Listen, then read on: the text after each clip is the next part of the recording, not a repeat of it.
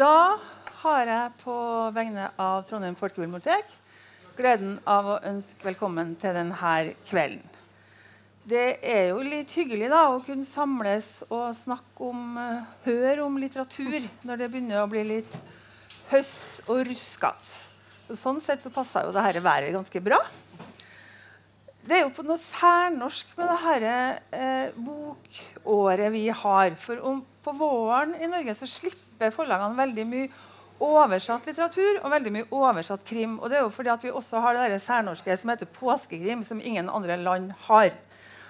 Men om høsten da slippes det mye nytt. Og mye norske forfattere og oversatt skjønn. Det kommer en del krim da òg, men det kommer veldig mye av de, av de nye norske bøkene. da.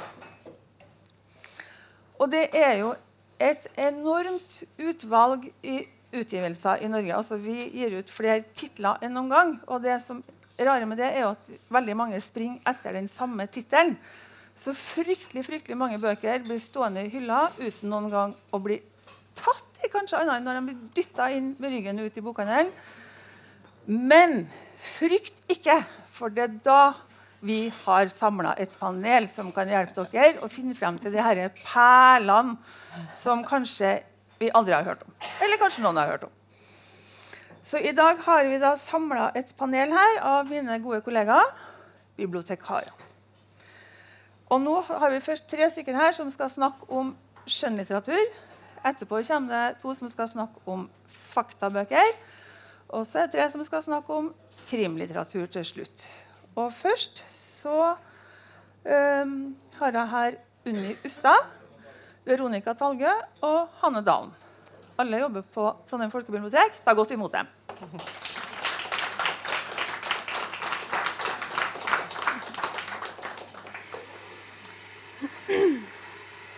Og nå skal vi lage kaffe. Ja. ja, Unni, ja. du har litt forventninger til denne bokhøsten her. Det har jeg. Du er en lesende dame. Og det er ganske vanskelig å velge hva man skal ta. For uh, vår utfordring da når vi ble spurt om å ta det her, det var at vi skulle snakke om bøker vi gleder oss til i høst. Uh, så det er ikke bøker som vi nødvendigvis har lest, eller det er stort sett bøker vi ikke har lest. Men vi skal si litt om hva vi gleder oss til, og hvorfor, hvorfor vi gleder oss til det. Og uh, jeg personlig jeg liker veldig godt å lese norsk skjønnlitteratur. Uh, og syns at det er utrolig mye fint å finne der, så jeg har med meg tre norske forfattere. For to år siden så leste jeg den romanen her, 'Det hvite badehuset', av en forfatter som heter Torvald Steen. Den gjorde et enormt inntrykk på meg. Han forteller om hvordan det er å leve med en uh, alvorlig muskelsykdom som er arvelig, som han har arva av sine uh, bestefar og onkel, som også har den samme sykdommen. Men saken er at han har ikke visst om at han har en sånn arvelig sykdom i familien fordi mora og også faren har fortida det helt. Eh, så da denne boka her slutta, så tenkte ikke jeg at det var en uferdig historie. Men i år så kommer den boka her. Eh, det siste fotografiet. Og han tar fatt der den forrige boka slutta. Og han forteller videre om hvordan det er. For det første så skildrer han eh, veldig godt hvordan det er å leve med en alvorlig funksjonshemming som blir verre og verre år for år. Eh, han starter ganske spennende. I den første boka ble han oppringt av ei kusine som han ikke ante at han hadde, fordi den delen av familien var helt fortia for han. I denne boka her er det legen hans som tar fatt litt alvorlig fordi han begynner å bli såpass skrøpelig at han knapt eh, kan komme seg opp og stå. Han sitter i rullestol. Det er veldig mange paralleller til forfatterens eget liv. Noen av dere så kanskje 'Brenner' i går. Eh, han var der. Han er en utrolig produktiv forfatter. Torvald Steen. Han har eh, skrevet veldig mange historiske romaner også. Men da den her kom, og før det så kom han faktisk med to uh, tidligere romaner som også er ganske selvbiografiske. I 2006 så kom 'Vekten av snøkrystaller'. Og i 2008 kom 'Det lengste svevet'. og Da fortalte han om hvordan det var å få diagnosen som en 15-åring. Boka blir som en detektivhistorie fordi han er så oppsatt på å finne ut hvorfor eh, For det første hvorfor mora har fortida dette her. Og fordi hun gjorde det, så har han blitt utestengt fra en stor del av familien sin. Men saken er at han har ei datter, og hun har også sykdommen. Og hun er nå gravid. Og det er veldig viktig eh, for å kunne møte et eventuelt nytt barn med samme diagnose med en klar formening om slekt og arv og alt dette her. Han skildrer jo mora si ganske tøft, da, men også med mye forståelse og kjærlighet, egentlig. Jeg har bare så lyst til å sitere bitte lite grann av det forlaget sier om denne boka. her. da. Jeg har fått et leseeksemplar. Jeg er ikke helt sikker på om den har kommet ut ennå, men jeg har skumma gjennom den. Uh, jeg skal bare sitere bitte lite grann her. Det sier veldig mye om mora hans. da. Du er klar over at jeg er døende, sier mor. Hun er sjuk, da. Ja, sier jeg og svelger. Det blir stille. Det er en sykepleier her som har sett bilde av deg i avisen der du sitter i en rullestol, sier hun. Du elsker visst å se annerledes ut og å vise det. Så denne her sier veldig mye om den skammen det var forbundet med å være funksjonshemma før. Han skriver også en god del om hvordan samfunnet på 60-70-tallet så på det å være funksjonshemma. Møtte den tanken om skal man egentlig føde barn som er arvelig belasta til å bli sjuk. Eh, men han har også en stor forståelse da, for den tida som gjorde at sånne ting skulle forties. Og det blir en veldig spennende og drivende historie som jeg syns var Jeg syns oppfølgeren var like fin som den forrige. En sterk forfatter. Mm, absolutt. En god forfatter. Mm -mm. Takk. Veronica, ja, hva skal, skal du presentere for oss? Jeg tenkte jeg skal starte med å fortelle om en norsk forfatter ja. Eh, denne boka her er gitt ut av Linn Strømsborg og heter for 'Aldri, aldri, aldri'. Eh, hun har tidligere gitt ut eh, en del romaner. Det er første gangen jeg leser noe av henne. Og bakgrunnen for at jeg hadde lyst til å lese denne, var egentlig starta bokhøsten 2018. Eh, da det kom ut forferdelig mange romaner om barselstid. Om det å bli forelder, og om det å få barn. Eh, som tittelen tilsier, da, så går denne boka i dialog med de bøkene. Og diskuterer eh, fra ei jente sitt perspektiv, ei som aldri, aldri, aldri ønsker seg barn.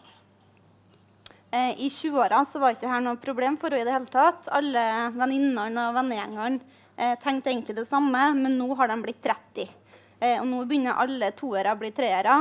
Alle samtalene dreier seg om oppdragelse av barn. Eh, og får stadig oftere spørsmål da, når skal du og Philip, samboeren hennes gjennom åtte år, når skal dere ha barn? Hun blir hele tida nødt til å forsvare seg eh, for at hun ikke ønsker seg barn. Og det er noe hun ikke ønsker å gjøre. Hun ønsker å få lov til å være i fred med det valget her. Det er en veldig artig eh, roman eh, og en veldig sår roman. Jeg tenkte jeg skal lese et lite utsnitt, sånn at dere får høre litt på stemninga. Det her foregår eh, mellom hovedpersonen eh, og Philip, samboeren. Eh, når de etter hvert i samboerskapet merker at de kanskje ikke har de samme behovene lenger. Da nyttårsrakettene smeller på himmelen utenfor vinduene våre, sitter vi med en for- og imot-liste mellom oss i sofaen. Philip er sekretær. Vi ser begge at forsiden leder i mengde, men jeg insisterer på at det punktet der på imotsiden vil ikke ha barn, teller mer enn 1000 grunner for. Han nikker forsiktig og blir stille en liten stund. Så sier han lavt mellom smellene. Men jeg tror jeg vil ha barn. Det teller vel også mer enn 1000 grunner imot, sier jeg. og det smeller og smeller utenfor. Det nye året er her, og vi har en liste med 1000 for og 1000 imot imellom oss. Og vi blir ikke enige. Mm. Eh, så det handler om å muligens må gi slipp på samboeren sin for at han skal få leve det livet han har lyst til. Og det handler òg om å tørre å leve det livet du ønsker. Den høres litt alvorlig ut, men den er veldig veldig artig. Når vi bl.a. får bli med henne på kafé med venninner eh, som hele tida konkurrerer om å ha det mest travelt. Du får hele tida mobilbilder dytta i ansiktet eh, av søte, små unger. Eh, og du blir hele tida nødt til å forsvare deg sjøl for at du ikke ønsker deg et mammahjerte. Ja, så en veldig veldig artig roman. Og grunnen til at jeg liker den så godt, er fordi at fortelleren eh, hun finner ikke noe trauma i barndommen eller noe sånt til hovedpersonen som gjør at hun ikke vil ha barn. Hun ønsker seg bare ikke barn, eh, og det er lov til å leve det livet du sjøl ønsker deg. Så en veldig artig roman som passer godt for oss som er i 30-åra. Det er én ting jeg har glemt å si før jeg slipper deg til, Hanne. Dere må følge veldig godt med, for på slutten av kvelden så skal Stine ha en quiz. Og da kanskje det kommer noen frempek her til svarene. Jeg glemte å si det. Men dere får begynne å følge med nå, da. Hanne, hva har du? Ja, det, jeg syns heller ikke det var enkelt å plukke ut uh, tre kandidater av høstens bokliste. Men eh, en soleklar glede seg til-kandidat, det var Jon Fosse. Som okay. har kommet med mm. Uh, den andre navnet, som er del én og to av bokverket 'Septologien', som uh, skal bestå av sju deler, fordelt på tre bøker. Og Den har jo kommet ut for en par uker siden og er, har mottatt ovasjoner og høye tall på terning, terningen. Men jeg har ikke lest den. Og jeg ville snakke om en bok jeg gleder meg til å lese. Og når en skal lese Fosse, så er det ikke bare å ta tre sider på senga og sove og så fortsette dagen etterpå. Men du må ha rom og tid og ta en skikkelig ansats som du bare kan flyte i til du er gjennom. For han, eh, sånn som den her, da, den er jo på 514 sider. Ingen punktum. Og den eh, er i typisk eh, fossestil med Jeg har jo ikke lest den, jeg har bare lest om den. Men eh, i litt sånn typisk fossestil med veldig mye bilder og stemninger. Du må bare være i. Nesten sånn at handlinga blir sekundær på et vis. Fordi at For du har lest Fosse før, du? Jeg har lest Fosse Men, før. For oss som har litt respekt for Fosse, da. Ja. Og, er det ja. egentlig Er det for alle? Uh, han um, Det er som sagt det der med å klare å, å være i den stemninga, syns jeg. da. Ja. ja. Det er litt sånn arkaisk nynorsk. Har blitt i hvert fall. Han skrev jo mer, mer radikal nynorsk før, faktisk. Men um, han uh, er jo dyster i bildebruk og tema. Det er jo de store temaene han er opptatt av. Det er kjærligheten, det er kampen mellom det gode og onde. Det er sånn som den som kom før, som sikkert flere har lest, Andvake-trilogien. Den er jo egentlig den store grunnen til at jeg gleder meg til den her nå. Jeg visste jo ikke at den kom til å være så De har så god tid. For da hadde du kanskje ikke gleda deg så mye? det har vært litt, litt uh, hvert fall det er et verk som skal, Det skal jo komme ut uh, tre år på rad nå da, i den størrelsen her. da. Er det. Så um, antydes det jo at den er um, i veldig slekt eller det, bildene er veldig Og portrettet Det er jo et kunstnerportrett, det her. Og at de, det minner veldig om uh, livet til Fosse sjøl. Mye elementer som er veldig Men han påstår veldig steilt sjøl at det er, er, ikke noe han skriver fra sitt eget liv. Men jeg syns at det er litt spennende. Han, han er litt, I denne er han jo litt mer um, i sånn førmoderne Norge. Mens i denne er han jo mer i nåtid i Norge, så det, det blir spennende Så. mm -hmm. Komme inn i uh, nåtidig Fosse. Uh, ja. Jeg tror ikke jeg skal ha så mye å bidra med, for jeg må jo lese boka først. Det må du. Kom tilbake til det. Unni, din ja. neste bok. Vi må kjøre på. Ja. ja. Mm uh, jeg må si hvorfor jeg gleder meg, da. Ja, uh, I 2013 så leste jeg den boka her, en bok som heter 'Bryllup og begravelser', av en forfatter som heter Jens M. Johansson. Og For meg så var han et helt ukjent blad da. Uh, jeg husker ikke helt hvorfor. Jeg tror jeg likte forsida. Er forsidene ofte som gjør at jeg tar bøker. Og det her er en utrolig frodig familiehistorie om skilsmissebarnet Jens og mine, dine, våre barn og Jens som reiser fra familie til familie. Og har eh, veldig mange som bryr seg om ham og er glad i ham. Men han hører jo ikke egentlig til noen plass. da, eh, Og skildrer veldig godt hvordan det er å være den ene som kommer til faren sin. Han har to halvsøstre der, da, og på badet så må han henge håndduken sin på den knaggen der det står 'gjest'. Så det tror jeg jo er ganske gjenkjennelig for mange i våre dager. Med en rik familie med mange hyggelige sider, men også en del som kanskje ikke er så enkelt. da. Jeg har også lest en roman til av ham, så da jeg så at han skulle komme med en ny bok i høst, så tenkte jeg yes, det gleder jeg meg til. Han Jens M. Johansen han skriver veldig humoristisk. Han skriver lett, eh, men han har ganske mange samfunnskritiske pek. da. Eh, men eh, han er fornøyelig. Eh, den boka som han kommer med i høst, den heter 'Lavterskeltilbud'. Jeg har ikke fått lest den, men jeg har lest litt om den. Og her er hovedpersonen eh, en forfatter eh, som heter Adam Berg. Han har nok gått litt lei av det meste her i livet. Han er i 40-årene, han har litt trøbbel med ekteskapet. Han har vel ikke egentlig skrevet så mye interessant i det siste, men så smeller han til og får et stipend fra Kulturrådet på 700 000. Uh, og det gjør, får han i uh, en utlysningstekst der man skal skrive en roman om de andre. Og hans idé er å skrive om arbeiderklassen, for det ser han på som de andre.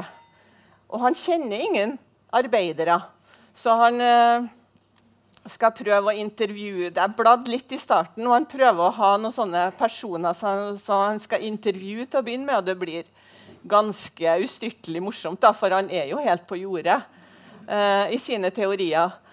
Og etter hvert så skaffer han seg jobb i kassa på Kiwi, da, for han finner, ut, han, må, han finner ut at han må finne ut hvordan uh, arbeiderne har det. Uh, samtidig så tror jeg det er en roman som er ganske både sår og ganske kritisk til en del holdninger i samfunnet. Og ja, jeg gleder meg. Mm. Ja. Det er jo venta at her skal bli han store altså Han har jo alltid vært en kritikerfavoritt, mm. men nå blir han kanskje også en publikumsfavoritt. Ja. Mm. Jeg snakker en frem. Ja, det er bra. Veronica? Mm. Jeg har litt samme motivasjon som Unni til at jeg plukka opp denne boka. Jeg syns den så veldig veldig fin ut. Jeg hadde ikke lest noe av forfatteren tidligere. Eh, han er en amerikansk, eh, forfatter. Han har gitt ut en del diktsamlinger. Eh, og dette er den første romanen hans. Den blir oversatt til norsk i høst nå, og da er tittelen 'På jorda er vi tidvis vakre'. Jeg har sniklest den på engelsk fordi jeg gleder meg sånn til den. Og den vakre framsida her syns jeg speiler innholdet veldig fint. Det er en oppvekstroman om en gutt som blir omtalt som Little Dog. Eh, han er halvt vietnamesisk eh, og vært med på flyktninglasset med mora når hun flykta til USA fra krig i Vietnam. Det er en sjølbiografisk eh, roman eh, om hvordan det er å vokse opp i dagens USA som sønn av en immigrant, eh, og hvordan det er å være gul og homofil. Eller gul, som man omtaler seg sjøl som. da. tenkte jeg skal vise dere et sitat fra boka mens jeg prater. Eh, Little Dog her, eh, sammen med mora og bestemora, han føler seg veldig fremmedgjort i USA. Det er annerledes mat, det er annerledes klær, og kanskje det aller vanskeligste er språket. Eh, verken han eller mora behersker språket, og siden han ikke har noen mor eller bestemor til å hjelpe seg å lære seg engelsk, så havner de i en del situasjoner. da. Eh, blant annet er de på butikk en gang der de ikke får til å kommunisere. De kommer ikke hjem med mat. Eh, og da bestemmer han seg at eh, fra nå av så skal jeg ta på meg den oppgaven eh, å få all engelsken til å redde både meg og mamma. Og han tar til seg det engelske språket på en fantastisk måte, som bl.a. kommer til uttrykk i denne romanen. her. Da. Den romanen er brev skrevet til mora. Han vil gjerne skrive til henne mens hun lever. Men siden hun ikke eh, kan engelsk noe godt, så kommer hun aldri til å greie å lese de her brevene. Og nettopp derfor greier han å være forferdelig ærlig i de her brevene. Eh, han greier å fortelle om ting som han aldri har kommet til å greie å gjort direkte. Eh, Bl.a. om hvordan det er for han å være homofil, og hvordan det er i vennegjengen der de sliter med dopmisbruk. Eh, og vi får høre veldig mye såre historier i et fantastisk fint språk, syns jeg. Vet mora hans at han er homofil? Eh, hun får vite eh, i løpet av romanen. Mm. Eh, hun reagerer ikke spesielt hyggelig. Eh, men det er òg litt artig, for da reagerer hun med å dumpe sin egen hemmelighet, som hun har holdt inne eh, veldig lenge på han. Så det høres ut som en veldig vond bok, men det er også en veldig morsom bok. Og aller mest så er det en vakker, vakker bok skrevet av en av en kjempefin lyriker. Jeg kommer nå til å løpe og kjøpe alle diktsamlingene hans. Og er veldig veldig spent på om oversetteren er i stand til å gjøre denne rettferdig. For så Samlaget har gitt ut en diktsamling eller to av en tidligere. De har det. Mm. Mm. det er bra. Mm. Hanne? Ja? Nei, på det blir bare feil. Vi har litt uh, Der, vet du. Eh, den andre boka jeg gleder meg til skal komme, er Jan Kjærstads bok eh, 'Mr. Wolf'. Den eh, skal komme om en par ukers tid. Og eh, den eh, har det dryppa veldig lite om fra forlagets side, så egentlig så vet, mm, vet man ikke så mye mer enn at han lukter her litt på kriminalsjangeren. Eh, som han har gjort med hell før. Og Jan Kjærstad han er jo en, uh, har jo vært en produktiv forfatter helt siden 80-tallet. Jeg husker veldig godt når uh, den første romanen hans kom, 'Speil', som kom på 80-tallet. Den uh, mm. likte jeg veldig godt, og siden da har jeg lest alt av den. Den er jo For oss som bor i Trondheim, så er jo den veldig artig å lese. For han har jo en barn, veldig fin barndomsskildring, oppvekstskildring fra Trondheim. Og du får være med på en personlig historie om åpninga av uh, Dovrebanen, Olav Tryggvason-statuen, uh, alt mye sånn historiske hendelser som skjedde i mm. tidlig del av 1900-tallet. Men det var et speil, da. Den øh, øh, boka som øh, gjør at jeg gleder meg aller mest nå. For det har jo svingt litt opp og ned med en kjæreste i forfatterskapet, syns jeg. da, Men den siste som kom Vi snakka litt om det i går, at det var litt sånn kjærlighet-hatforhold vi har til ja, det var ofte det. Han er jo et sånt overflødighetshorn av uh, alle mulige vitenskaper og, og, teologi. Og han er jo en sånn skikkelig all, allkunneforfatter som pøser gjerne på med, med informasjon. Mm. Men um, samtidig syns jeg han har veldig fine karakterer, og han har sterke samfunnsanalytiske, kritiske portretter av Norge spesielt. Da. Han har jo tatt opp veldig store temaer som uh, informasjonssamfunnet, mye rundt ja, teknologi, uh, teologi og ja, alle mulige politikk og metafysikk, ikke minst. Så han, eh, jeg syns han er en veldig spennende forfatter. Og 'Berge' er jo en slags sånn, nesten litt kriminalroman. Den uh, baserer seg jo på, eller den tar utgangspunkt i et mord som ryster hele Norge. og hvordan... Det er jo kalt en 22. juli-roman. Mm. Der han tar, analyserer litt hva skjer med et land i krise, med nasjonalitet, med ja, alt rundt, rundt uh, et sånn drap som ryster hele Norge. da. Så det er egentlig det som gjør at jeg gleder meg veldig på den boka som kommer. Da, for den, jeg håper han er på en sånn oppstrøm nå. Det er bra. Ja. Mm -mm. Supert. Du, vi må bare kjøre på, vi. altså. Ja. Eh, min Din siste som jeg vil trekke fram nå i kveld, det er Agnes Ravatn. Eh, Agnes Ravatn har jo skrevet litt forskjellig, både essay og litt av hvert. Men eh, da denne romanen her kom, 'Fugletribunalet', så falt jeg fullstendig for henne som forfatter. Eh, og i år så kommer hun med en roman som heter for 'De sju dørene'. Eh, den har vi ikke fått ennå. Den er nettopp kommet ut. Eh, jeg leste en anmeldelse i Dagsavisa i dag. Jeg har gått og kikka og kikka for å se er det ingen som skriver noe om den, men den kom ut bare for en par-tre dager siden. Og i den eh, anmeldelsen så står det til overskrift 'Denne romanen har alt'.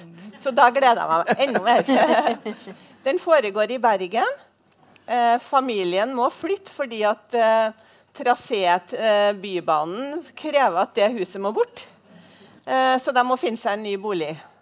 Og da går de på utkikk, og så i et hus de eh, har sett seg ut, da, så bor det en leieboer som heter Mari. Og hun er ganske mystisk. Og ganske kjapt så forsvinner hun. Og det blir eh, nesten en kriminalhistorie, tror jeg. Eh, det er en urovekkende roman om mørke løgndommer og farlig nysgjerrighet, sier forlaget. Eh, så ja. Jeg tror det blir det. Ja. Mm. Det er bra.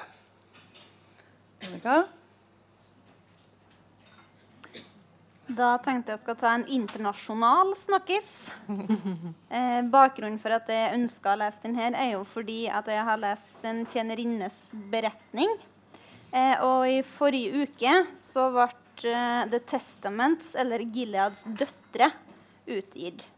Jeg syns egentlig at bokhusen handler om å ta for seg, så jeg har sprenglest og jeg er allerede ferdig med den på engelsk. eh, men nå har den jo kommet på norsk som Gileads døtre. Er alle kjent med en kjennerinnes beretning? Nei? Da tror jeg jeg kan ta en liten sånn kjapp uh, forklaring av den først.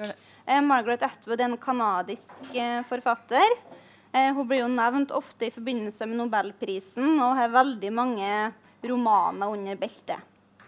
En kjennerinnes beretning er en av dem som er mest kjent, og en av de beste, syns jeg. Den har fått fornya aktualitet nå i forbindelse med at HBO har lagd en serie av den. Eh, som nå snart starter på sin tredje sesong. Eh, den handler om en tjenerinne. Eh, bakgrunnen for dette er at det er blitt spalta ut et ganske totalitært patriarki. Eh, hvor eh, menn bestemmer over eh, kvinnene det har skjedd noe i samfunnet slik at uh, fruktbarheten har gått ned. Eh, og kvinner som kan føde barn, blir nå brukt bare til å føde barn.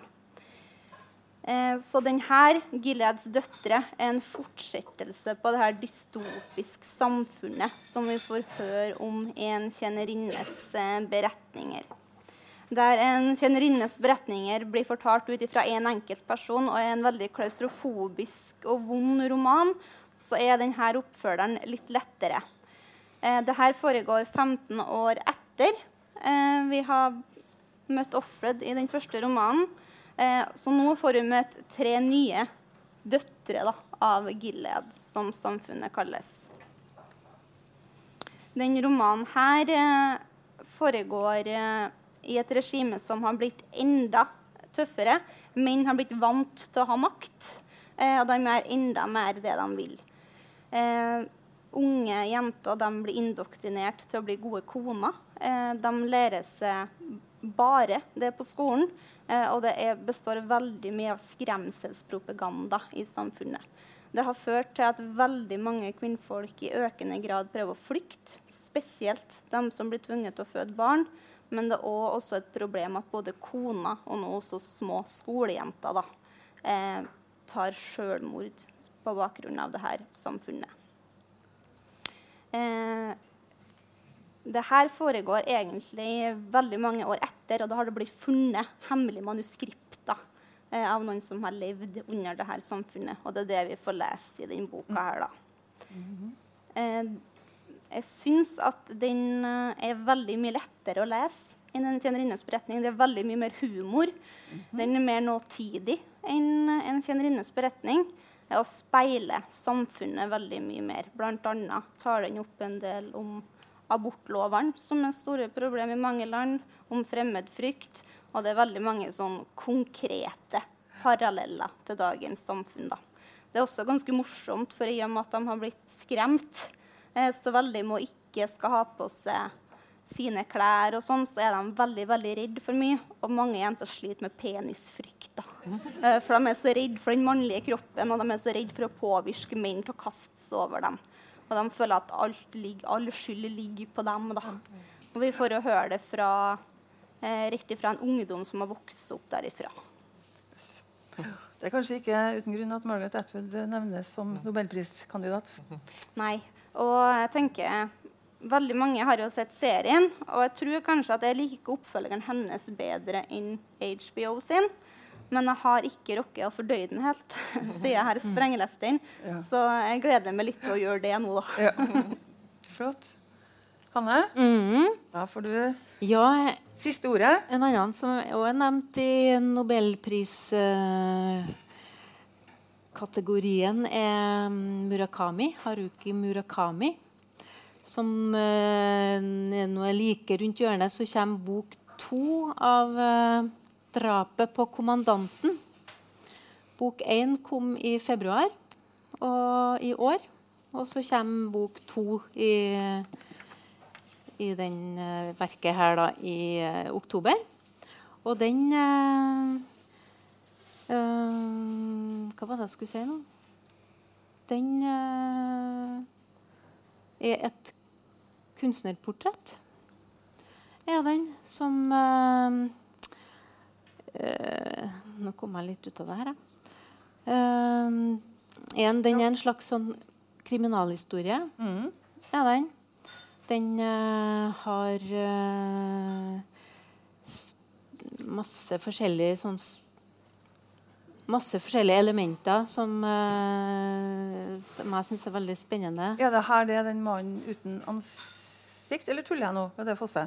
Nei, 'Mann Er uten det- ansikt' er, Her, er med her, ja. Mm. Han har uh, altså, Hovedpersonen han har, uh, er en malerkunstner. Han uh, er nyskilt i 30-årene, er i en identitetskrise og ønsker å leve ut sitt potensial som kunstner. Da. Men så har han livnært seg på å være portrettmaler. Og det føler han er som å etterligne. Og det er ikke hans sånn kjerne som uh, kunstner. Da. Så han, eh, han er i en sånn skikkelig krise i eh, livet. Da. Og uh, han flytter opp i fjellene og, og har Ja. Han har det skikkelig trasig. Men så får han da besøk av en, en ansiktsløs person som kommer og ber han om å lage portrettet hans. Og det, det blir på en måte en sånn, eh, sånn brekkstang da, i livet hans. Da eh, begynner han vel å rote mye rundt spørsmålet om man, hvordan kan man gi form til noe som ikke finnes. For han er jo den ånden som kommer, er jo ansiktsløs. Han skal prøve å få en kjerne kjerne i det. da. Så han, eh, Det handler jo mye om kunstnerens skapende prosjekt, det her. da. Og så er det òg en eh, Han øh, er jo en slags sånn kriminalhistorie, som jeg sa, og så er det òg en kjærlighetshistorie, og den har masse grøss, grøsse elementer. Og den har eh, mange uløste gåter som jeg håper blir nøsta opp i neste bok. da. Ja, for Er det nesten litt sånn magisk realisme? Det er, det? ja, det er en sånn rar form for det her litt japanske, minimalistiske Enkle måten å beskrive ting på, som samtidig putter inn det her magiske realismen og, og masse sånne bisarre ting som skjer. Og det, det syns jeg det er jo, Så vidt jeg har skjønt, så er det en, eh, en fortellertradisjon i Japan som er sånn. Så det er en naturlig del av deres uh, litteratur. Men jeg syns det, jeg synes det er veldig fascinerende å ikke skjønne bæra innimellom. Og du bare, det at du får det her rommet til å undre sånn kreativt da, på ting som skjer, det syns jeg er veldig artig med egentlig alle disse bøkene. her har litt av det. At du, som, som det med kunst ellers òg, det å ikke skjønne skjønne, det syns jeg er veldig fascinerende. da. Også med Murakami. Så jeg syns ikke det gjør noe om kattene snakker, og om ting hopper ut av bildet og begynner å leve sitt eget ni liv i bildene hans. Og, eller, ja, Det er helt naturlig, det. helt naturlig. Helt naturlig. Det burde vært Det, mer av det. ja, så det syns jeg er veldig artig. Så jeg gleder meg veldig til å lese bok to. Supert. Da må jeg si takk. Vi har bare gått sju minutter over tida. Det. Takk til Veronica og Unni og Hanne. Da har vi fått eh, et eh, litt mindre panel. Men jeg skal love dere, de snakker. Så det skal ikke bli noe problem, det. Der har vi Britt Karen og Hanna Malene. Begge jobber på biblioteket. Og så er jeg veldig spent på, Har dere blitt enige om hvem som skal begynne? Ja, jeg står først i powerpointen. Ja, da, så, ja, ja, ja, ja, ja. Ja. Trykk. Trykk. Ja. Da har vi kommet til faktabolken. Faktabolken, eh, som begynner med en bok Når jeg bladde meg gjennom høstlistene, da, som jeg gjorde for å finne ut av dette her, så var jeg sånn Herregud, altså, Hør på den tittelen. 'Dette er også Noreg. Kommunal feelgood'. Og da kjenner du liksom at Og dette her blir bra. fordi hvor feelgood kan egentlig Kommune-Norge være, tenker man kanskje. Eh, det, men jeg er sånn jeg er veldig glad i Norge. Jeg kommer fra Oslo. Det er en utrolig dum ting å gjøre når du beveger deg Oslo. Liksom utenfor Oslo for da kommer alle og ser på deg sånn Å er sånn Oslo-jente. Kan ingenting om Norge, vet ingenting om Norge. Og så prøver jeg å være litt sånn Men jeg er veldig glad i Norge, og jeg har lyst til å være budeie, og jeg har lyst til å bo i Trondheim og på Røros og i Nord-Norge og alt mulig. Eh, og han her, Jens Kiel, han gikk faktisk på samme videregående som meg. Bare så mange år over at jeg vet ikke hvem han er, men de som gikk to trinn over meg, vet hvem han er. Eh, Så jeg har hørt om han, for han har hatt et prosjekt hvor han skal besøke alle Norges kommuner. For når det ble klart at det ble kommunerekord, nei, reform Rekord, hør på det her. Eh, og Norges 428 kommuner skulle bli 370, så var han sånn Herregud, jeg må jo rekke å liksom besøke de mens jeg er 428. Eh, så jeg har hørt det, De siste årene så har jeg hørt folk sånn Ja, ja, for du kjenner til Jens. Han driver jo drar, altså, drar rundt i hele Norge. Det er litt sånn du liker. Og jeg bare Ja, det er akkurat sånn som jeg liker. Eh, så han er da en, en Oslo-fyr som har en T-skjorte hvor det står 'Jeg elsker nynorsk'. Eh, og har reist rundt i hele Norges land for å besøke Norge og finne ut av hva Norge er. Eh, og han sier da at han lider av noe jeg da også tror jeg lider av, som er noe som heter Stokmarknes-syndromet. Og det er å ende opp med å elske et sted du selv ikke kommer fra, og lengte mot noe som kanskje kan bli ditt eget. Og som sånn med Oslo-boer så kjenner jeg meg igjen i dette her, da. Um, og jeg synes jo da hele, jeg synes er, Norge er et veldig morsomt land. Jeg er veldig fan av å reise på sånn der indre tur rundt i Norge og bli kjent med Norge. Det er jo også han. Og så en liten sånn mall apropos til noe som ikke er sakprosa, men som er så gøy i Norge at ting henger sammen. At det er kommet også en diktsamling som baserer seg på den norske kommunen i år. Eh, og det er Kjersti Bjørkmos 'Hadde du bodd der, hadde du vært hjemme nå'.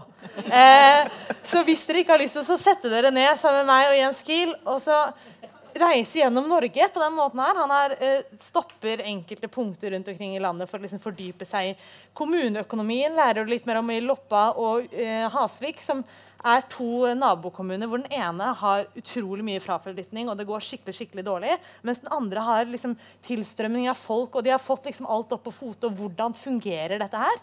Eh, og så stopper han i Røyervik, Trøndelagskommunen han stopper i, eh, som er den kommunen i Norge som har den triste eh, seieren av å være den som synker raskest i innbyggertall. Eh, men som er en veldig fin kommune. Det er der jeg var på Deie, så jeg kjenner den kommunen godt. Så, jeg tror det også hjalp veldig. Han stopper steder hvor jeg føler veldig tilhørighet, som sånn Oslo-buer. Eh, og så stopper han i Bremanger, hvor han snakker om som kommuneomdømme. Og nettopp dette med å ha sånn catchy slagord. Og de får Madcon til å lage en sånn video for å vise hvor kult det er å bo i Bremanger. Eh, og hva slags grep kommuner i Norge gjør for å virke attraktive. Og så stopper han i Vinje og er med på et kommunemøte og snakker litt om kulturen. Og er innom Grue og ser på det som da er Norges minste skole med fire elever. Så han har noen sånne punkter rundt i Norge hvor han stopper, og så lærer du veldig mye om de spesifikke stedene. Eh, så får du lære at det fins folk fra Oslo som prøver å forstå landet utenfor Oslo. Det synes Jeg er veldig... Jeg kjenner igjen perspektivet hans litt. Altså, iblant så blir jeg litt sånn irritert. For sånn, å nei, ikke vis at du er så dum og liksom ikke vet det. Men det er, det er veldig veldig moro. Og så klarer han å ta disse små enkeltstedene og gjøre til en større historie, så man forstår litt hele Norge. da, og Hvordan er det vi tenker, og hva Er denne kommunereformen god eller dårlig, eller kanskje noe midt imellom? Så det er, det er faktisk skikkelig feel good. Jeg koste meg. Jeg fikk den og så tenkte jeg jeg skal bla litt gjennom, så leste jeg hele. Eh, fordi det var veldig veldig, veldig gøy. Jens Killer, journalist, er han ikke det? Jo, han Ja. er politisk eh, journalist. Jobbet før i Klassekampen, men fant ut han måtte flytte fra Oslo, så nå jobber han i Bergens Tidende. Eh, beveget seg litt, litt vestover. Um, og det er bare rett og slett veldig gøy, og du får veldig mye sånne fun facts som du ikke visste at du ville ha om norske kommuner. Men det er veldig mye rart i de norske kommunene. Og dette er en veldig rar bok, men det er skikkelig gøy. Så jeg håper altså, Jeg klarer liksom ikke å få, liksom, vise entusiasmen min kanskje nok, men det er en utrolig jeg gjør det, ja. Det er en utrolig morsom bok, og jeg tror det gjelder også om du ikke har Stokmarknes-syndromet og er fra Oslo. altså. Eh, det er også veldig sånn, fin sånn ting, for eksempel Robek-lista, som jeg har, har hørt mye om. Sånn, og Der handler det om alle kommuner som ikke har styring på økonomien sin. Uh, men det viser seg at over halvparten av landets kommuner har vært på Robek-lista. Røros. Eh, inkludert Røros, inkludert Trondheim, inkludert Bergen. Så det er liksom sånn der, Ja, ja, hva betyr egentlig dette her? Så du får masse innsyn i Norges land. Så det er, nå, som, liksom, nå har valget gått og, og liksom kommet og litt på plass bak oss, men nå kan vi forberede oss på hva vi skal gjøre om fire år eller om to år med denne boka. Bra. Yes! Go. Ja, Britt Karen? Yes, Feel good og fun facts det passer egentlig veldig bra på denne. her. For Bill Bryson er en av de her forfatterne som jeg synes har en veldig humoristisk penn. Han er amerikaner, men bor i England. Tror jeg passer han godt. Uh, og jeg liker veldig godt at han klarer å lære meg noe nytt mens jeg egentlig bare tror jeg koser meg. Han er veldig lettfattelig, han går kanskje ikke så djupt på ting, men veldig underholdende. Um, jeg har eh, egentlig lest og flira meg gjennom uh, alle reiseskildringene hans helt siden jeg oppdaga den første Down Under i 2001. Like før jeg sjøl dro til Australia, så det var liksom midt i blinken. Og til høsten da skal jeg lese av Kroppen. En guide for deg som bor i den. Det, måte, så det er jo hans betraktninger, og det er en liten sånn uh, manual om kroppen vår og dens fantastiske funksjoner. Så litt sånn kropp, kule funksjoner og humor. Jeg tenker det er en gavepakke. Er Kinderegg. Ja, Kinderegg. Typisk Kinderegg. Yes. Uh, den er ikke så tynn, da, men jeg tenker det blir artig for deg. Det blir nok det. Ja. Ja. Vi er flere sånn, Jeg er ikke i 30-årene, men jeg er nesten i 30-årene. Og tydeligvis er det da vi skal lese dette her. Ja. Uh, dette er Kristina Leganger Iversen som har kommet med boken 'Bli mor nå'. Og Den har jeg ikke fått lest, for den kommer ut om sånn fem dager. 24. september, tror jeg. der den kommer ut. Eh, men jeg fikk en PDF av forlaget, så jeg har bladd litt. Eh, og hennes prosjekt det er å liksom undersøke ut fra et tvilende perspektiv av om er det nå tid å bli mor i denne verden med klimakrise, og når økonomisk, og når i forholdet ditt, og egentlig skal man bli mor i det hele tatt. Em, og grunnen til at jeg gleder meg, det er jo litt forskjellige grunn. En er at hun Kristina Leganger Iversen hun er ei dame jeg syns er skikkelig kul. rett og slett. Um, jeg har fulgt henne en god stund. Hun ga ut sin første diktsamling i 2011. Det er 'Hjartemekanikk' som er oppi der. Og så kom romanen 'I ringene' i 2015. Så skrev hun en doktorgrad om hvithet og kolonialisme i samtidspoesien, som kom i 2017, tror jeg. Før hun var med å oversette medborger, Claudia Rasin, Rankin, jeg vet ikke hvordan man uttaler det, sitt eh, dikt om rasisme i hverdagen nå i 2018. Før hun slo opp med UiO med et dikt. Eh, fordi hun var så lei av midlertidige ansettelser og sånn i humaniora. Så Altså, herregud, Hun er poet, hun er eh, oversetter, hun er romanskribent. Eh, nå også fagbokforfatter, og hun er doktorgradsstipendiat. Og hun lurer på om hun skal bli mor. Altså, liksom, det er, åh, For en oppskrift. Uh, jeg tenker det må gå bra. Sånn. Men du, Ja. vet du hvor gammel du er? Hun har jo hun, fryktelig mye. ja, hun er født i 1989, så det er bare å få bli skremt. Ja, uh, hun er to år eldre enn meg, Ja. uh, så det er alltid veldig gøy med sånne mennesker. Men eh, de, denne boka, den, sånn som eh, Veronica snakket om, så stiller den seg inn i, i en sånn bølge som jeg kalte barselbølge i litteraturen, eh, om mødre og, det å bli mor. Eh, så har, vi ser jo her at det har kommet mange. De fleste av bøkene her er fra de siste to årene, bortsett fra Det annet kjønn Altså. Men grunnen til at den er der, at den er med å skape litt premisser, for hun går liksom tilbake både i det filosofiske og det politiske. Boka starter med at Erna Solberg står og sier at Norge trenger flere barn, og du skal føde barn. Og Kristina Legang Riversen sitter her og skjønner plutselig at hun snakker jo til meg. Det er meg hun mener er jeg som er kvinne i fødedyktig alder. Det som kalles liksom lavrisikosonevinduet, som er mellom 25 og 35. Hvor du har fått nok økonomisk stabilitet til at det er forsvarlig å få barn. Eh, og du er ung nok til at kroppen din tåler det fint. Så det er liksom det er da det skal skje. Eh, og også En annen grunn til at jeg gleder meg, er at hvis noen var her i våres, så hadde vi et lignende panel. Og da dro jeg fram min kjærlighet til denne serien her, som heter 'Norsk røyndom' av Samlaget. Som jeg også har skrevet om i Bokvenn litteræravis. Så hvis man vil skjønne hvorfor jeg elsker den, så kan man se der. Og denne boka skulle være med i serien. Og så bare este den ut. og ble så Den stor. blir mor nå? Den blir mor nå, skulle være bok nummer åtte i serien. Eh, men ble så svær at den ble sin egen bok. Eh, så det er liksom bare veldig mange gode ingredienser til å glede seg til dette her. Og så kan jeg sitte her og være sånn Jeg har ikke peiling på om jeg skal bli mor noen gang eller nå eller ever. Og hvis du har blitt mor, så tror jeg altså det kan være en fin Ja. ting. Så jeg tror det kan bli Altså, jeg skjønner ikke hvordan det ikke kan bli bra. Så det gleder jeg meg veldig til. Høres bra ut. Ja. Nå er, Britt Karen. yes. Ja. Nå jeg gleder meg veldig til, da, det er neste bok. For når en av favorittforfatterne dine skriver om en av Norges kuleste damer, da Ja. tror jeg det blir bra. Jeg har jo ikke fått lest den ennå, for den har nettopp kommet ut. Og jeg har jo skjønt at jeg er ganske langt unna målgruppa, ca. 40 år for gammel. Men jeg tror likevel jeg kommer til å kose meg veldig med den. Eh, Ida Hegazi Høyer hun har skrevet bok om Kim Friele. Eh, og har, Ida Hegazi Høyer hun har gitt ut noen veldig gode romaner for voksne tidligere. Så nå spørs det bare om hun òg er flink til å skrive for barn. Eh, Gyldendal har på en måte flere Tre, da. Det er flere, ikke sant? Eh, bøker i denne serien om min første biografi. Denne er om Gro Harlem Brundtland, og så finnes det en om Sonja Hennie òg. De påstår at den henvender seg til lesere sånn i 3-6-årsalderen. Jeg ville nok ha dratt det opp og satt fem 5 da. til 10. Eh, opp til 45-60, kanskje. Ja, et eller annet sånt. Eh, overkommelig. Allmennlitteratur kaller vi det. Ja. Men overkommelig tekstmengde, da. Det må man jo si. Men som et første innblikk. Og nei, jeg har stor tro på at det her eh, er en fin inngang til noen av Norges kuleste damer. Veldig bra. Ja, ja. Du kan kjøre på med en til i samme slengen. Eller blir- det- nei, å nei, nei, nei. nei, nei. Da blir det feil. Da blir det feil. Og det kan vi ikke ha noe av. Nei, for jeg er jo altså, Denne Norsk Røyndom Alle som kjenner meg, er veldig lei at jeg snakker om den. Men jeg har flere sånne serier. Du er glad i jeg, er det. jeg er veldig glad ja, det, det er hyggelig. Og jeg er veldig glad i sånne serier. Og jeg tror det er litt Jeg synes det er så befriende det å vite at altså, den samlageserien det er godt håndarbeid. Du vet at her er noen som har vært inne og jobbet med den på en måte som gir et godt resultat. En annen sånn serie er jo Artes-serien til Pax.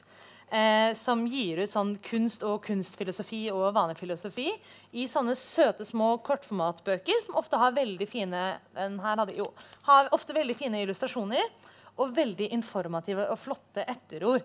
Eh, så det er en sånn der, jeg er veldig glad i å gå bare sånn Jeg kan ingenting om dette her som er i denne artesboka, men nå kan jeg sikkert lære meg noe av det ved å plukke opp en random en.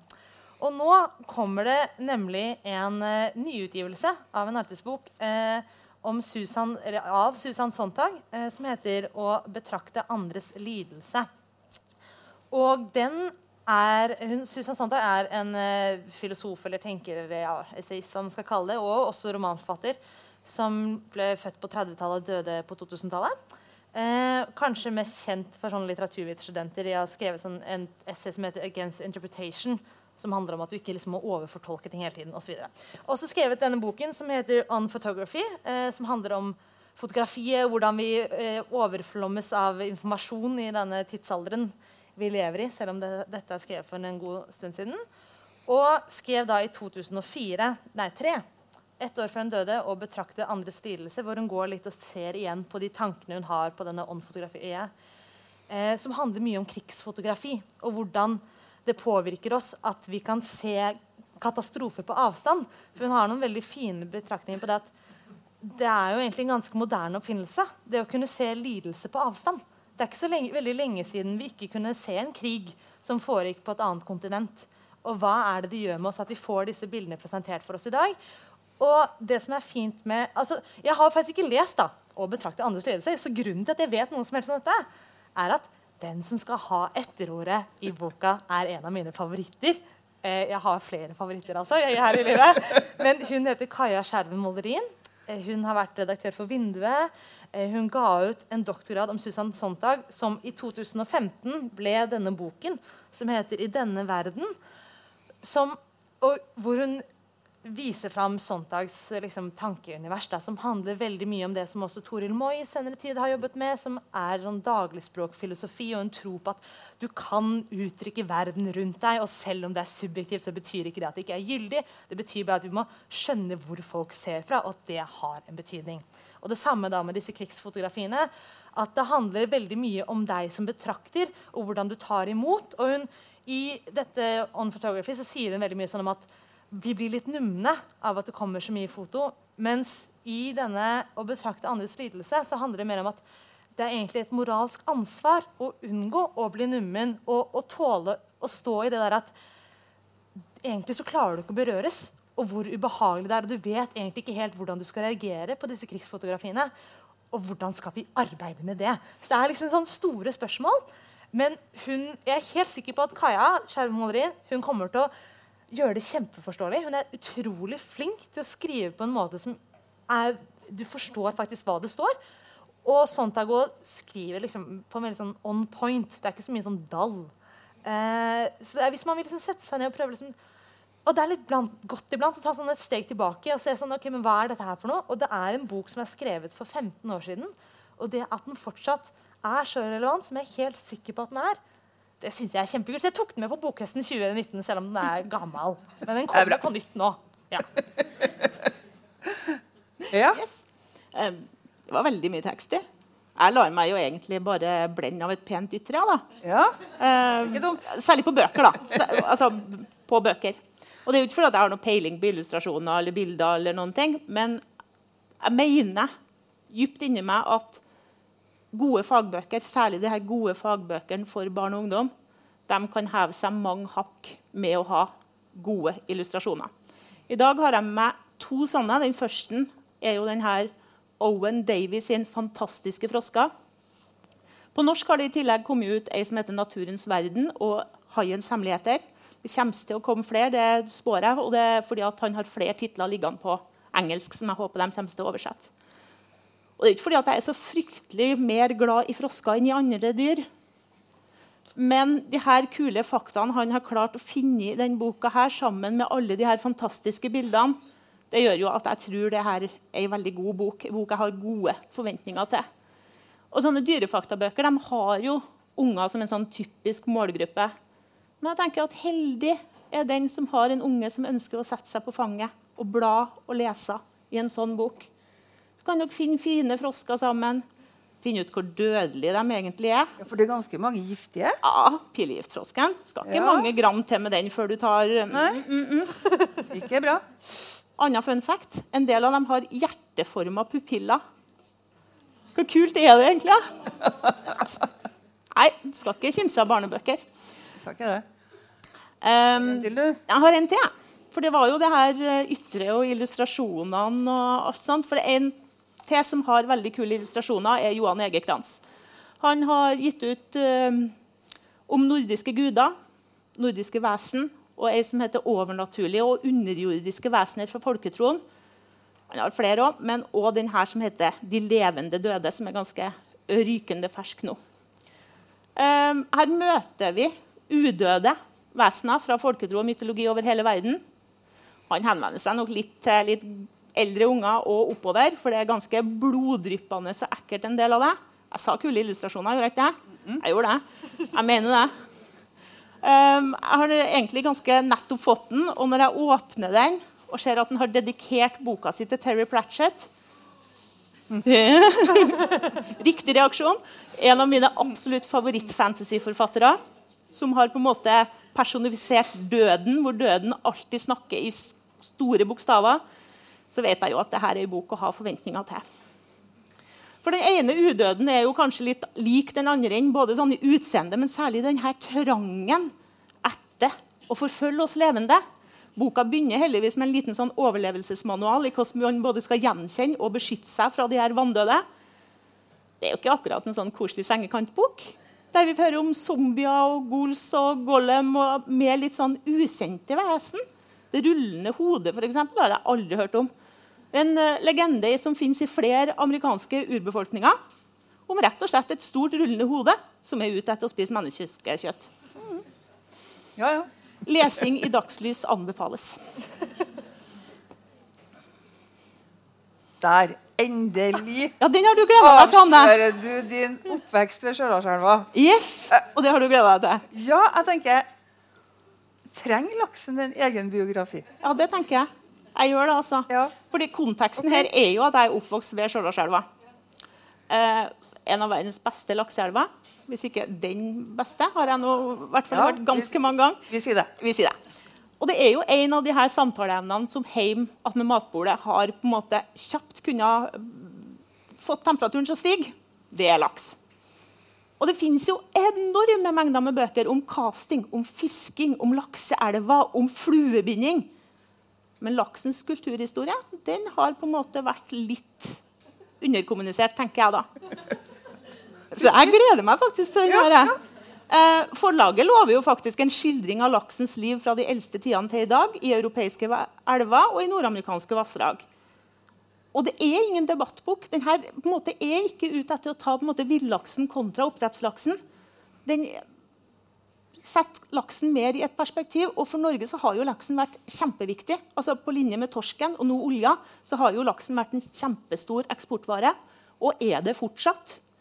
Så jeg tenker det her kan faktisk bli lærerikt. Og så tenker jeg jo kanskje at kan vi kanskje få et nytt element med det her middagsbordet mitt hjemme i barndomshjemmet mitt? Ja, jeg tror kanskje det. Jeg tror jeg kjenner opp til flere som kunne tenke seg å lese den boka der. Ja. Altså. Ja, ja, ja. Ja, men jeg Absolutt. tror den har noe for seg. Ja, kanskje, Vi snakka så vidt om det, men eh, alle de her som leste uh, Havboka. Havboka, tror jeg kanskje kan finne noe leseglede her. Flotte greier. Takk til Hanna Malene og Britt Karen. Da har jeg fått et eh, krimpanel her. Jeg skal ikke si at de er kriminelle, men uh, det er ikke langt ifra. Uh, vi har Mariann Rostad Pedersen og Anne Berit Grønberg og Trine Myhr. Anne Berit Grønberg hun er den som holder styr på krimheltene, altså den lista som alle kommer og skal ha. Ja, men hva var første krimboka til Nei, jeg skal ikke si det sånn. Hva var første krimboka da til Lisa Marklund? Og så er jo ikke den handlinga der den handlinga i første boka starta altså Det var ikke den første boka. Handlinga i bok to foregår før handlinga i bok. Altså, helt sykt. Anne Berit holder styr på sånne ting. Hun legger dem inn i rekkefølge, og i det hele tatt, så alle blir fornøyd. Det er bra. Og det ser vi på hjemmesida vår. Ja, Til hjemmesiden. Mm, det gjør vi. Men Mariann, du, Ja. har, eh, du skal få begynne. Takk. Vær så god. Jeg har eh, da ikke gått smalt ut. Jeg har eh, valgt med en eh, lokal kjendis. Eh, fordi at jeg er innvandrer da, og prøver å gjøre meg kjent i byen, så har jeg et sånt lite prosjekt om eh, at jeg skal lese bøker fra Trondheim. Og I sommer så leste jeg den første boka av Jørgen Brekke og kosa meg så veldig med den. Og så kom det en ny eh, just nå som heter 'Menneskehunger', som jeg du har skumma igjennom. Og eh, den her, 'Menneskehunger' eh, eller de her Bøkene har da en helt. Vår helt eh, heter Odd Singsaker. Og I første boka så kom han tilbake eh, som politietterforsker etter å ha hatt en alvorlig hjerneoperasjon. Og nå kommer han tilbake etter å ha hatt pappaperm. Og Boka starter med at han, eh, Odd er på biblioteket, og har, eh, for der er det foredrag for nybakte pappaer. Eh, og ute på plassen på eh, Pet, eh, Peter Egges plass, så er det da eh, arkeologiske utgravinger. og Der er funnet et menneskelevning som de kaller for Kokken, fordi at det er funnet et pergament med oppskrift på ei levergryte.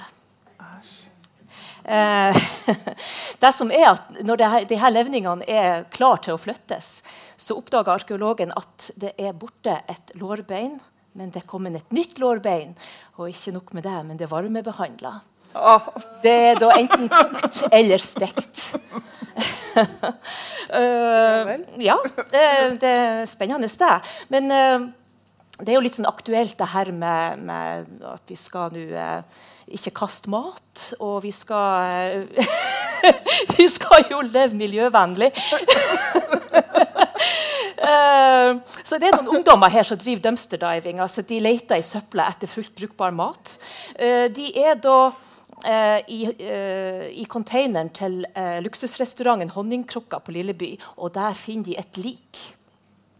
Liket er da Adresseavisen sin matskribent som eh, året før slakta honningkrukka i avisen. Nå er han sjøl slakta og ligger da i containeren. Og liket mangler et lårbein. Eh, og det dukka det opp flere lik, og det er flere kroppsdeler som også dukka opp i kjølvannet av gourmetrestaurantene i, i Trondheim. da. Eh, og denne Saken viser jo å ha greina inn i Odd Singsaker sitt private liv. Eh, han oppdaga en bloddråpe i barnevogna til dattera. Og sånn hysterisk småbarnspappa og sånn så får han denne bloddråpen eh, analysert, og det viser da å være blodet til denne myrda eh, matskribenten. Og hvorfor eh, gjør noen noe sånt? Um, og så er det da en, eh, en til eh, journalist i Adresseavisen som er i søkelyset. her, det er krimreporteren. Hvorfor er han så oppdatert på saken hele tida? Er det en lekkasje innen politiet? Eh, er det en gal kannibal på ferde? Eh, altså det er en ordentlig god røverhistorie. Det er artig med det her lokale tilsnittet. Og for å si det sånn De kan ha så mange Michelin-stjerner de bare vil, men jeg skal ikke ha levergryte. Det er ikke pent å spise sine venner. Men artig var den. Ja, det hørtes artig ut. Anne Berit? Ja, jeg skal begynne med den andre boka til Miriam Bjerkeli. Den første het 'Lille Linele', og den var helt grusom. Den er ja, kanskje den er hakket bedre. Den er ikke fullt så grotesk i temaet sitt. Den her handler om Stella, Alexander og lille Marius, som bor i et lite hus i skogen som Alexander har arva etter sin far. Alexander er ikke noe trivelig type. Han er voldelig, stenger kona og ikke noe spesielt hyggelig. Han drikker en hel masse. Arbeidsledig og syns ikke det er noe artig å drikke alene. Så Stella må da drikke sammen med han. De sitter hjemme på formiddagen og drikker mens Marius er i barnehagen. En dag når Stella kommer i barnehagen for å hente Marius, så er han allerede henta av barnevernet. Og da rakner alt. Stella stikker av med Alexander sin bil, krasjer med postmannen mens hun kjører i fylla. Men av en eller annen grunn så har Alexander på seg skylda for denne kjøringa og krasjet. Men hvis Stella tror at det betyr at hun går fri, så tar hun feil, for postmannen så nemlig hvem det var. Så får hun lure en annen straff. i regi av nettopp Postmann. Dette er en sånn krim som skjer rundt oss. En slags hverdagskrim. En saker som vi kan kjenne oss igjen i. Og det gjør den kanskje litt ekstra vond. Men lesverdig det er den så absolutt. Hun er norsk, hun. Er norsk. norsk ja. Mm Er sånn omtalt som barnevernskrim? Ja, Ja. for eksempel. Ny sjanger. Ny sjanger. Skjønner. Barnevernskrim. Trine Myhr. Ja. Anne Tønseth. Jeg veit at den boka her ikke kommer nå i høst. Den kom nemlig i vår. Men jeg har ikke fått lest den, og jeg gleder meg veldig veldig til den. Det er Håkan Nessers 'De venstrehendtes forening'. Eh, alle kjenner Håkan Nesser. Han er svensk, han debuterte i 1988 og han har skrevet 30-40 krimbøker. Og vi kjenner jo helt sikkert eh, filmene hans. Han får masse priser og alle de tingene der. Eh, alle bøkene hans er ikke krim, men han har to krimserier. Det er den serien om eh, van Veteren, ti bøker. Og så er det den om Gunnar Barbarotti, fem bøker. Og så er det denne her, da, De venstrehendtes forening, hvor disse to møtes for første gang. Et stjernemøte mellom de, folk, de folkekjære politietterforskerne van Veteren og Gunnar Barbarotti, har jeg lest i anmeldelsene. Så de møtes i den boka der? De holder på med hver sin etterforskning, og så skal det krysses. Okay. Og det er jo etterforskerne som er viktigst, i hvert fall for meg, da, i Håkan Nesser sine bøker. Fordi vi blir kjent med disse kara, de utvikler seg etter hvert. Og jeg kan jo huske at jeg har tenkt at nå skal jeg ha et lite stevnemøte med Gunnar Barbarotti. Når jeg tar for meg en Håkan Nesser-bok. Jeg har vel faktisk også sagt at jeg elsker Gunnar Barbarotti. Så sånn er det for meg. I denne boka her er eh, van Veteren blitt 75 år. Gunnar Barbarotti han har runda 50 år. Han ble jo enkemann i den forrige Barbarotti-boka. Eh, hans elskede Marianne døde. Eh, og eh, det møtes, og det som er viktig for meg her, da eh, Selv om det kanskje står at etterforskninga ikke byr på så store overraskelser, eh, men at det er underholdende lesning det Hovedgreia mi er jo Blir det Gunnar og Eva Beckmann? Du vet politikollegaen. Eller blir det Gunnar og Trine? Åh. Jeg gleder meg. Du, jeg vet om det her skal bli en serie? Uh, nei, det veit jeg ikke. Jeg kan egentlig ikke tenke meg det, siden han er 75 år. For han, vet der nå, vet nå, han, har jo egentlig, han er jo helt på slutten av sin karriere. Så jeg tror vel ikke det. Men du veit, altså, Håkan Nesser er jo bare 69 eller noe sånt, så vi, vi veit ikke. Men så tenkte jeg skulle passe på å slå et slag for lydboka også. Fordi at eh, den forrige Nesser-boka, den eh, Karl, nei, Eugen Kallmanns 'Øyne', den hørte jeg som lydbok, og det også er veldig, veldig bra. Så i, i bilen, på senga, med strikketøyet, hva som helst. Anbefaler også lydbok. Og så kan man jo lese andre Håkan Nesser-bøker også. F.eks. denne her, 'Nortons filosofiske memoarer', ikke sant? hvor det er hunden til Håkan Nesser som er hovedpersonen. Bra. Ja, vi skal vel tilbake til en ny levergryte, kanskje? ja. Hva vet Nei, jeg? Nei nå er det nok mat. Uh, den neste boka er uh, altså det, Når jeg hørte de her skjønnlitterære guruene her snakke om uh, de bøkene de gleder seg til, så var det jo mange som var inne på at de, de, sneia innom krimsjangeren. Og her er en krim som sneia veldig mye utenom krimsjangeren, syns jeg. Det er ei bok av ei svensk dame som heter Stina Jackson. Jeg tror det uttales sånn. Eh, debutant i fjor og oversatt nå til norsk. Boka heter eh, 'Silvervegen', eller 'Sølvveien', som den er blitt oversatt til. Og eh, eh, det, Den ble veldig opphaussa i Sverige. Den fikk eh, pris for årets beste svenske kriminalroman, Svenska Dekkarakademien, og pris for årets beste skandinaviske kriminallitterære verk, 'Glassnøkkelen'.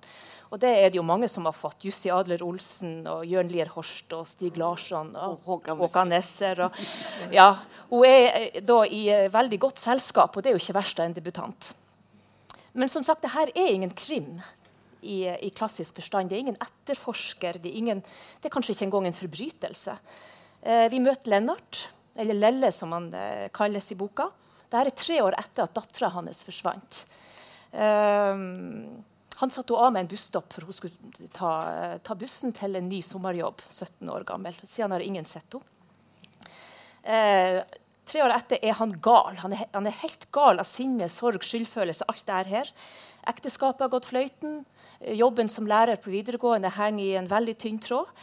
Eh, han røyker for mye, han drikker for mye, og han bruker nettene sine på å kjøre rundt i et nordsvensk landskap som er så nitrist. eh, og leter etter dattera si. Her er det mørkt, mørke skoger, det er trist, det er surskler i myr. Det er disig, det er altså Hvis du hører fuglekvitter, så er det gledesløst. Uh, og så møter vi mennesker som han eh, møter på de her forfalte gårdene.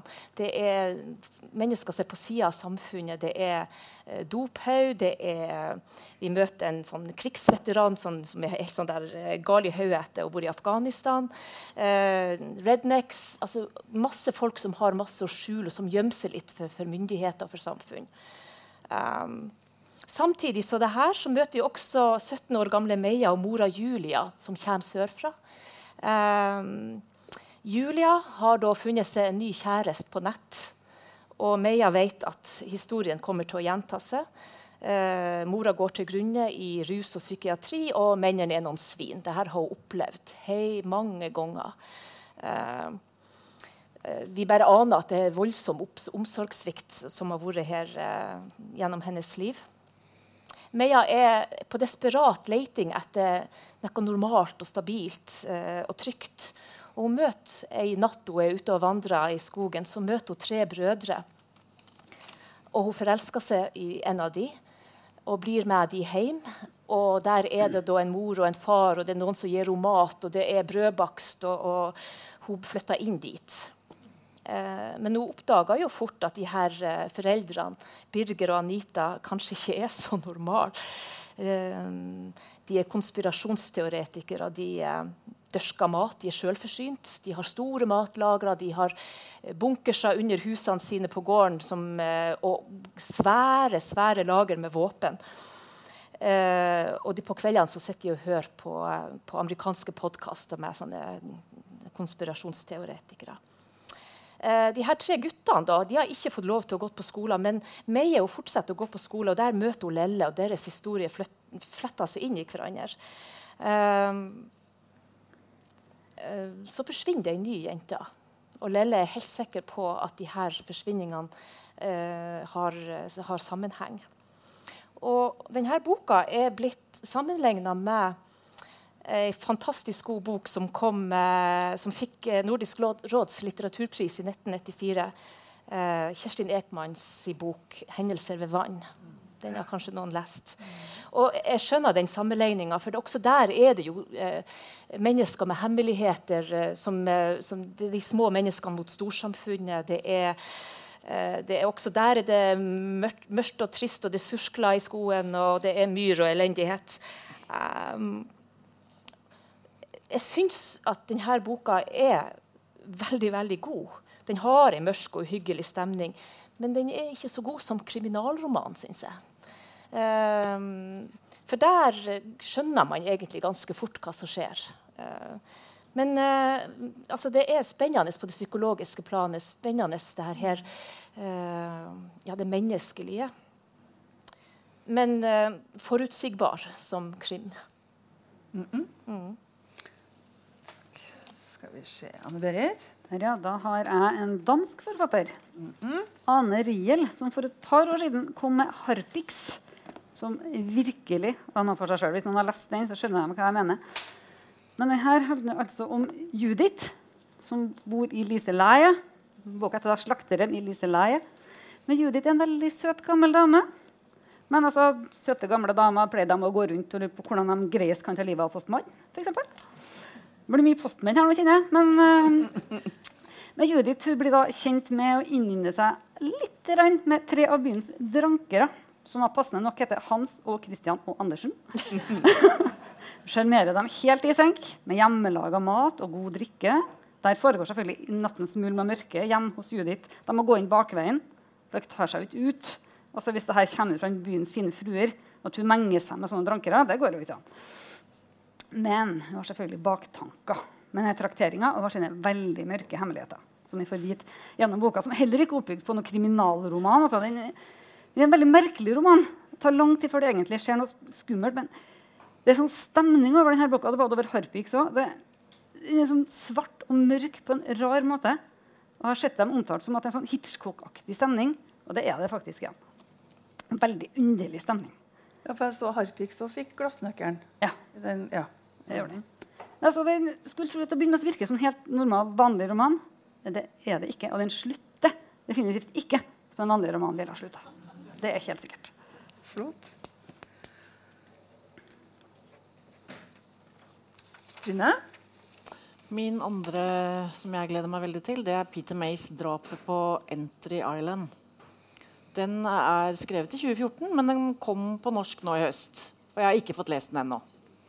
Men jeg falt jo pladask for skotske Peter May da jeg leste Louis-triologien. Som har kommet nå de siste par åra. 'Svarthuset', 'Louis-mannen' og 'Louis-brikkene'. Fordi det er tre bøker med politietterforskeren Finn MacLeod fra Isle of Louis, altså fra Hebridene i enden der nord oppe i Skottland. Eh, og I de tre bøkene så er det Finn MacLeod som reiser hjem fra jobben sin og et havarert ekteskap i Edinburgh for å bistå i en mordetterforskning på en av sine barndomskamerater i den første. Og så, ja, så blir det jo flere greier der, da. Alle de tre bøkene fikk god kritikk. Men for meg så var det beskrivelsen av det ville landskapet, det spesielle folket med den merkelige dialekten, eh, hebridenes historie og det voldsomme været som begeistra aller, aller mest. Så for meg så gjør det egentlig ikke noe om det ikke er så god krimhistorie når det kommer til stykket. Kanskje jeg burde sitte i panel 1, veit ikke helt. Men i hvert fall um, så er det det som jeg gleder meg til her. da. Altså, jeg skal til hebridene. Ja. Og det tror jeg veldig mange tenker etter å ha lest den trilogien. Ja, ja, og, og, der er jo naturen en veldig viktig del av handlinga, eller, eller av historien Absolutt. av Absolutt. fortellinga. Og jeg har jo bare lest én anmeldelse av denne drapet på Entry Island, og det er jo Ole Jakob Hoel i Adresseavisa. Uh, og han har jo gitt de tre første bøkene seks, seks og fem, tror jeg, på terningkast. Og han skriver halvt krimroman, halvt historisk kjærlighetsroman. En krevende øvelse, men Peter May kommer helskinnet fra det. Så jeg er ikke sikker på om, om det kommer til å være noe sånn helt uh, vanvittig bra plott i denne boka her heller. Um, Coffin Road har jeg lest i, etter de tre andre. Det var en sånn frittstående fortelling uten uh, godgutten Finn MacLeod. Um, og så har han skrevet noen fra Frankrike, for Peter May bor i Frankrike nå, selv om han er fra Skottland. Mm. Uh, Enso-filene heter de bøkene. Dem har jeg ikke prøvd meg på. Uh, noe er også fra hebridene i denne, ettersom jeg skjønner, men det er også fra Madeleine-øyene utafor Montreal i Canada. Det er også ukjent plass. Gleder meg til det. Um, og hvis det blir trist og kjedelig da, for meg, så kan jeg jo kose meg med Peter Mays nydelige foto-reisehåndbok fra hebridene. Med bilder ikke sant, hvor vi kjenner oss igjen. Strendene hvor det har foregått ting. Og svarthus er det bilder av her. Så da, og sauer og vind og vær. Så jeg gleder meg veldig veldig til Peter May. Uansett hva slags plott han måtte komme opp med, kjenner jeg. Bra. Mariann? Ja, vi liker bøker med vind og vær. um, den siste boka som jeg gleder meg til, er ikke kommet ennå. Det er den siste boka av Arnaldur Indridason, som sikkert mange av dere har lest. Denne boka heter 'Hva mørket vet'. Og grunnen til at Jeg gleder meg til den, det er at jeg har lest flere av de andre bøkene i serien om, om uh, Erlendur Sveinsson. Og også der er det jo liksom melankolsk tone med uh, beskrivelse av den islandske naturen. og Det er kaldt og vått og hustrig. Og jeg kjenner jo nå at jeg er fryktelig eh, skadd av en kald og hustrig barndom i Nord-Norge. Det kan jo ikke være noen annen grunn. Nei, men i hvert fall så starta han da på en ny serie. Eh, så det er jo spennende. Og jeg kan jo lese litt av hva som jeg har lest om boka. da. Eh, da er det ei turgruppe som finner et lik nede i isbreen Langjøkul. Og Liket ble begravd for mange mange år siden. Eh, men pga. Glo global oppvarming så har isbreen smelta, og hodet er kommet fram. Jeg forstår det sånn at det ligger i isblokk, og så er det, ja, hodet kommet fram. Den døde er en forretningsmann som forsvant for 30 år siden. Og for 30 år siden så, eh, var det da en etterforskning og en forretningsforbindelse til denne mannen. Satt i varetekt en stund. Eh, men eh, ble sluppet ut. Etterforskninga var resultatløs. Og, eh, men han blir tatt inn igjen. Nye opplysninger kommer til. Og han som etterforska saken den gang, han Konrad, blir tilkalt for å bistå nå også. Og han Konrad han har vært en bifigur i eh, en annen bok av Indridasson, 'Skuggasund'. Eh, der var han også eh, pensjonert politietterforsker, men helt i, i, eh, bare i sidesynet. Eh, Indridasson sier i et intervju som jeg nettopp har lest eh, med Krimklubben, at han ble inspirert av konsekvensene av global oppvarming og måten vi misbruker miljøet på. Og så tenkte jeg kanskje jeg ikke skal glemme sånn til den boka likevel. Men så sier han også at hovedmålet hans er å underholde.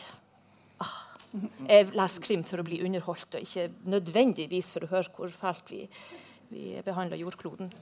Det vet vi jo. Eh, og så sier han også at Konrad eh, er en veldig forskjellig figur fra Erlendur Sveinsson. Han har pga. en vanskelig oppvekst der eh, faren ble myrda, eh, ei splitta sjel. Kanskje han aldri skulle ha blitt politi. Eh, men eh, vi får se. Det skal bli en serie ut av det, så eh. Det er en alarm fra Litteraturhuset? Ah, ja, men det er ferdig. mm. Ja. Ja, Da skal jeg snakke om ei bok som ikke er kommet ut ennå. Den kom fra trykkeriet i dag. fikk jeg vite.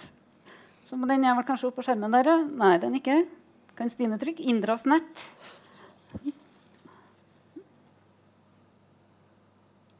Før den ikke der? Nei. Det skulle nå være der, skulle ikke det? Ja, da snakker jeg, så dukker den opp. Forfatteren debuterte med 'Armageddon-algoritmen' og, og 'Himmelens krefter skal rokkes' begge to i 2017, da han var 78 år gammel. Oi. Ha, ja, det var fersking, det her. Så. Han heter Petter Fergestad og jeg er fra Orkanger. Og Bøkene har høsta veldig mye skryt de to første. Og I Indras nett så knyttes handlinga fra de to første sammen, og det blir enda mer spennende. Forfatteren er doktor Tekn, og han vet hva han snakker om når det kommer til fag. i bøkene sine. Det er veldig solid, han har et ordentlig godt språk. Og det er skikkelig befriende og nytelse å lese bøker hvor forlaget har satsa på korrektur. altså. Ikke bare hoppa over korrekturen. Det er helt fantastisk. Jeg fikk en sniktitt på PDF-filen til boka, selv om den ikke har kommet ut. Kontakta forfatteren, for den var ikke å få fra forlaget.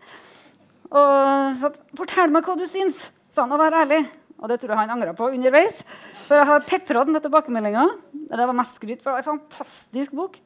For Noen ganger så kommer han over en sånn bok som bare vil Ingen ville ikke slippe den igjen. Dette var en sånn bok for meg. Helt, helt, fantastisk. Men altså, problemet er jo hva skal man lese etterpå. Da jeg leste de to første tidligere, så jeg gleda meg enormt til den siste i Ypsilon-trilogien. som trilogien da heter. Og det ble innfridd så til de grader.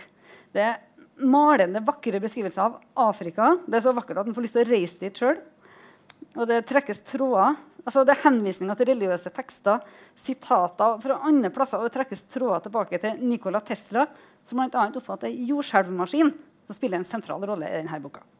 Og det er sånn skjulte henvisninger til masse forskjellig, til og med til barnebøker. Jeg elsker det! Jeg tror jeg googla halve boka. når jeg på er sånne små blikk mot Trondheim og sånn lokale plasser på Orkanger, hvor forfatteren da er født og oppvokst.